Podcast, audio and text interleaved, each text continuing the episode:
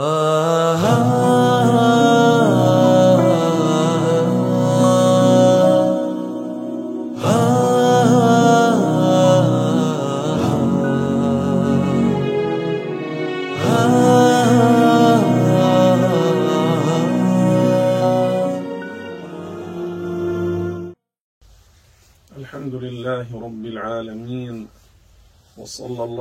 على سيدنا محمد طه النبي الأمي الأمين العالي القدر العظيم الجاه وعلى آله وصحبه ومن والاه وأشهد أن لا إله إلا الله وحده لا شريك له وأشهد أن محمدا عبده ورسوله وصفيه وحبيبه وخليله صلى الله عليه وسلم وشرف وكرم وبارك وعظم وعلى جميع إخوانه من النبيين والمرسلين ورضي الله عن كل الأولياء والصالحين. أما بعد إخواني وأخواتي في الله حفظكم الله ورعاكم وأعانكم على الطاعات والعبادات. وتقبل منا ومنكم الحسنات من نصائح وإرشادات المرشد العلامة الولي الصالح مولانا الشيخ عبد الله بن محمد أبو عبد الرحمن الهرري رحمه الله أنه قال الربا خبث وملعنة والزكاة طهر وبركة. هذه العبارات هذه الكلمات ينبغي أن ننتبه لمعناها وأن نقف عندها وأن نحاسب أنفسنا لأن من الناس من غرقوا في الربا إلى أبعد حدود وصاروا من الفاسقين والفاجرين يتعاطون ويعملون ويشتغلون بالربا ويأكلون ويشربون من الربا ويشجعون على الربا ويدفعون الناس إلى العمل بالربا إن كان بينهم وبينهم مباشرة أو بينهم وبين البنوك والمؤسسات. كل ذلك خبث وملعنة. انظروا هذه العبارة. الربا خبث وملعنة. هذا الإنسان الذي يشتغل بالربا يأكل الربا يشجع على الربا اولا ورد فيه ما جاء في حديث رسول الله صلى الله عليه وسلم أنه عليه الصلاة والسلام قال إن الله لعن آكل الربا وكاتبه وشاهديه. اذا هذا ملعون عند الله ملعون على لسان محمد صلى الله عليه وسلم. إن الله لعن آكل الربا وموكله يعني الذي يأخذ والذي يعطي. كلاهما ملعون عند الله. واليوم من الخطر العظيم الكبير الذي يؤدي بالإنسان إلى الكفر قول بعض الناس عن مال الربا. المحقق أنه ربا والذي هو محرم بالإجماع كمثلا ربا القرض. بعض الناس ماذا يقول؟ يقول هو حلال لي شرعا.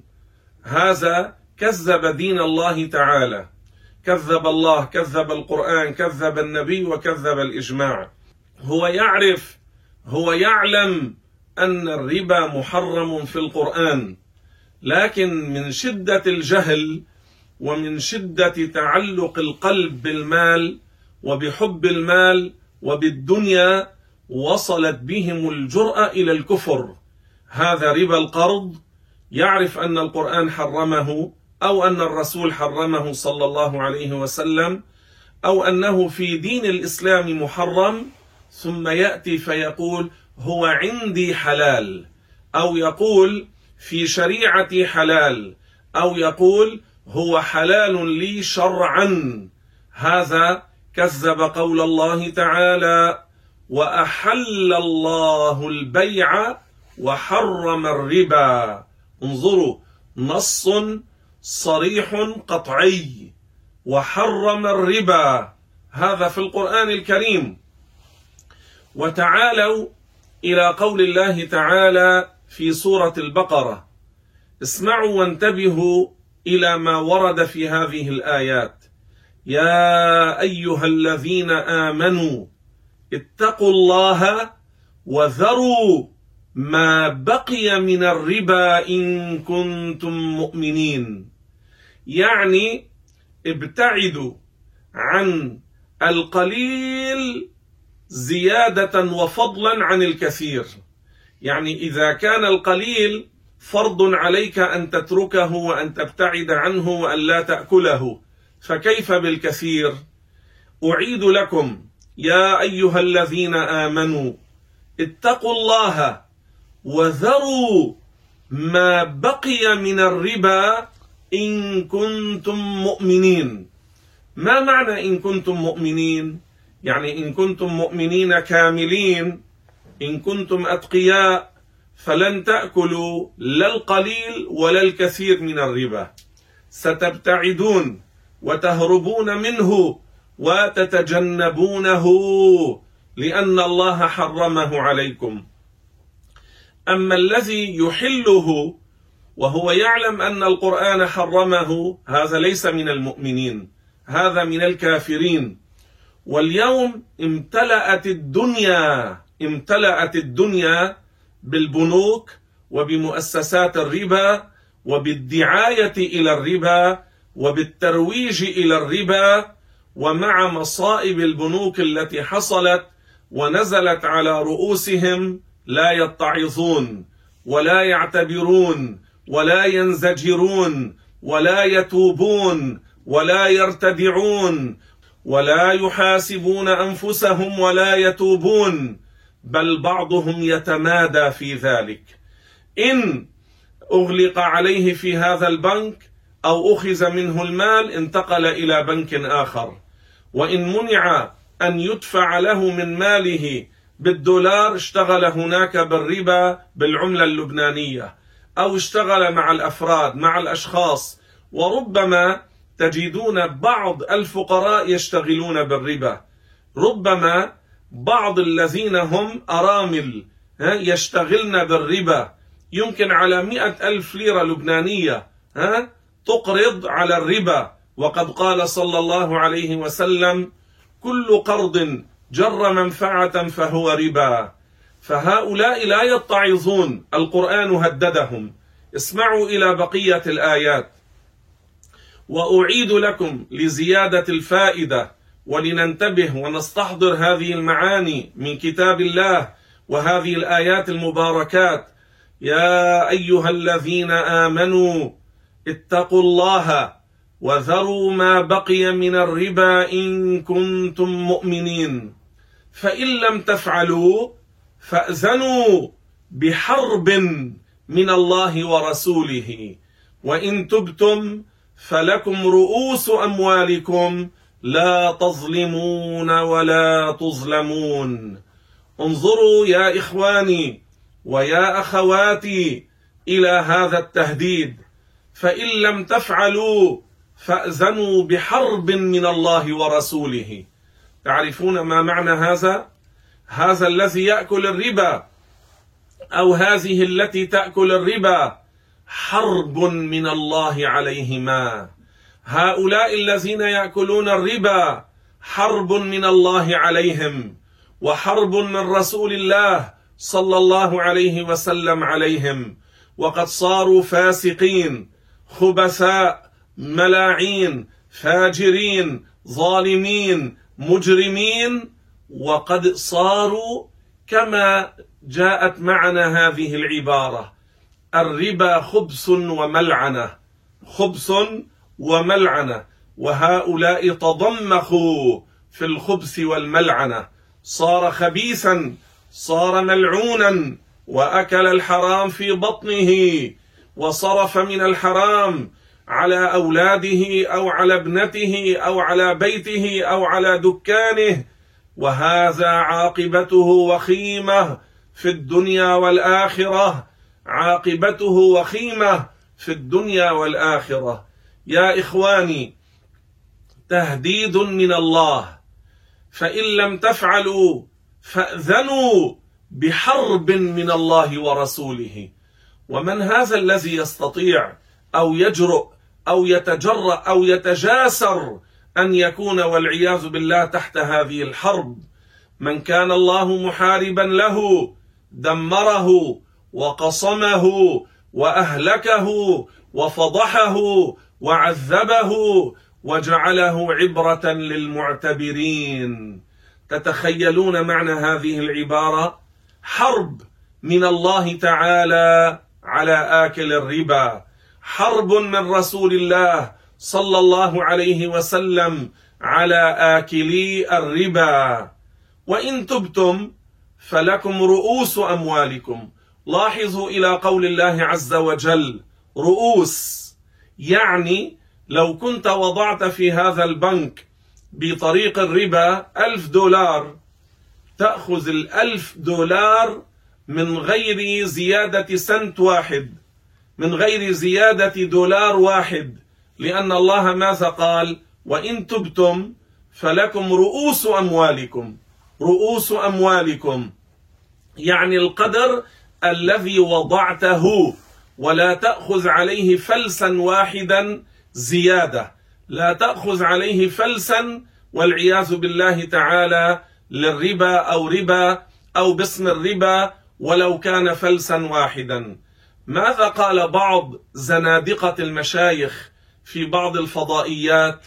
كهذا المصري المتعالم المتهتك الذي لا يستحي من الله. قال إذا كانت النسبة قليلة 2.5% قال هي حلال. قال هذه تكون أجرة عمولة وهذا تكذيب لهذه الآية. وإن تبتم فلكم رؤوس أموالكم. ما معنى رأس المال؟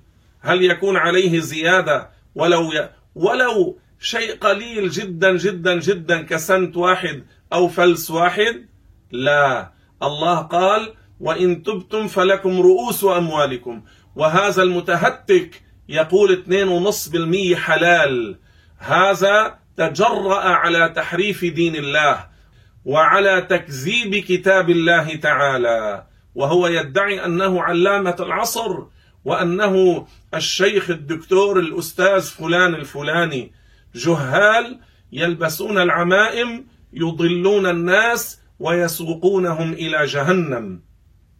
وقد ورد في الحديث الذي رواه السخاوي في أشراط الساعة أنه صلى الله عليه وسلم قال إن من علامات الساعة يعني الصغرى أن يرفع العلم وأن يوضع الجهل. وهذا الزمن نحن فيه اليوم. صار فسق وفجر بل وكفر يدعون إلى تكذيب الله وتكذيب دينه.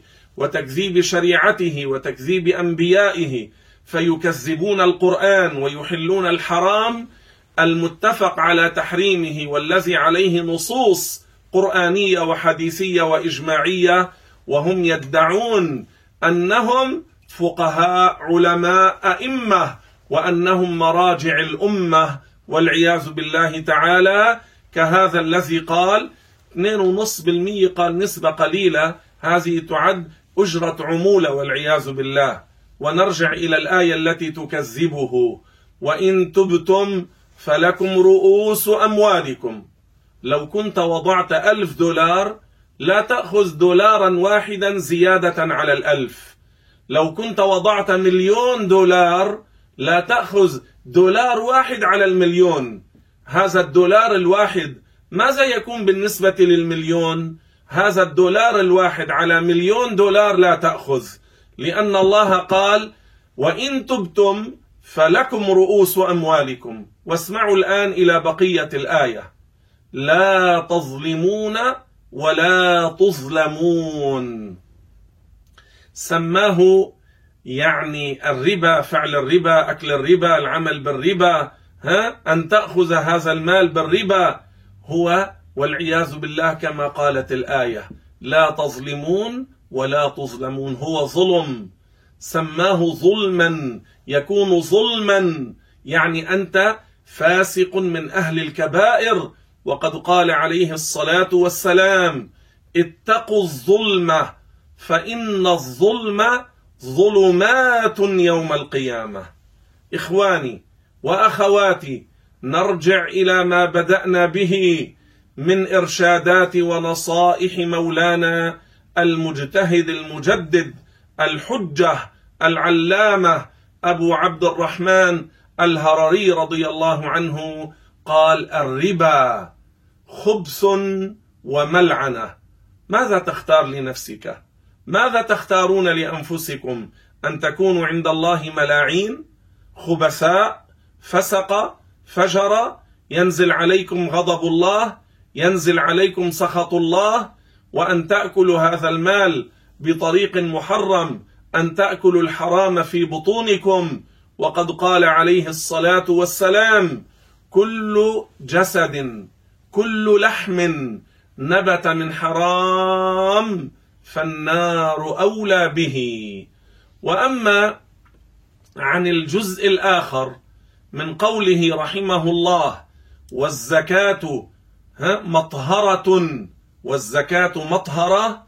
هذا إن شاء الله نتكلم عنه في لقاء خاص في مقابلة عن الزكاة وعن أهمية الزكاة. والحمد لله رب العالمين. آه.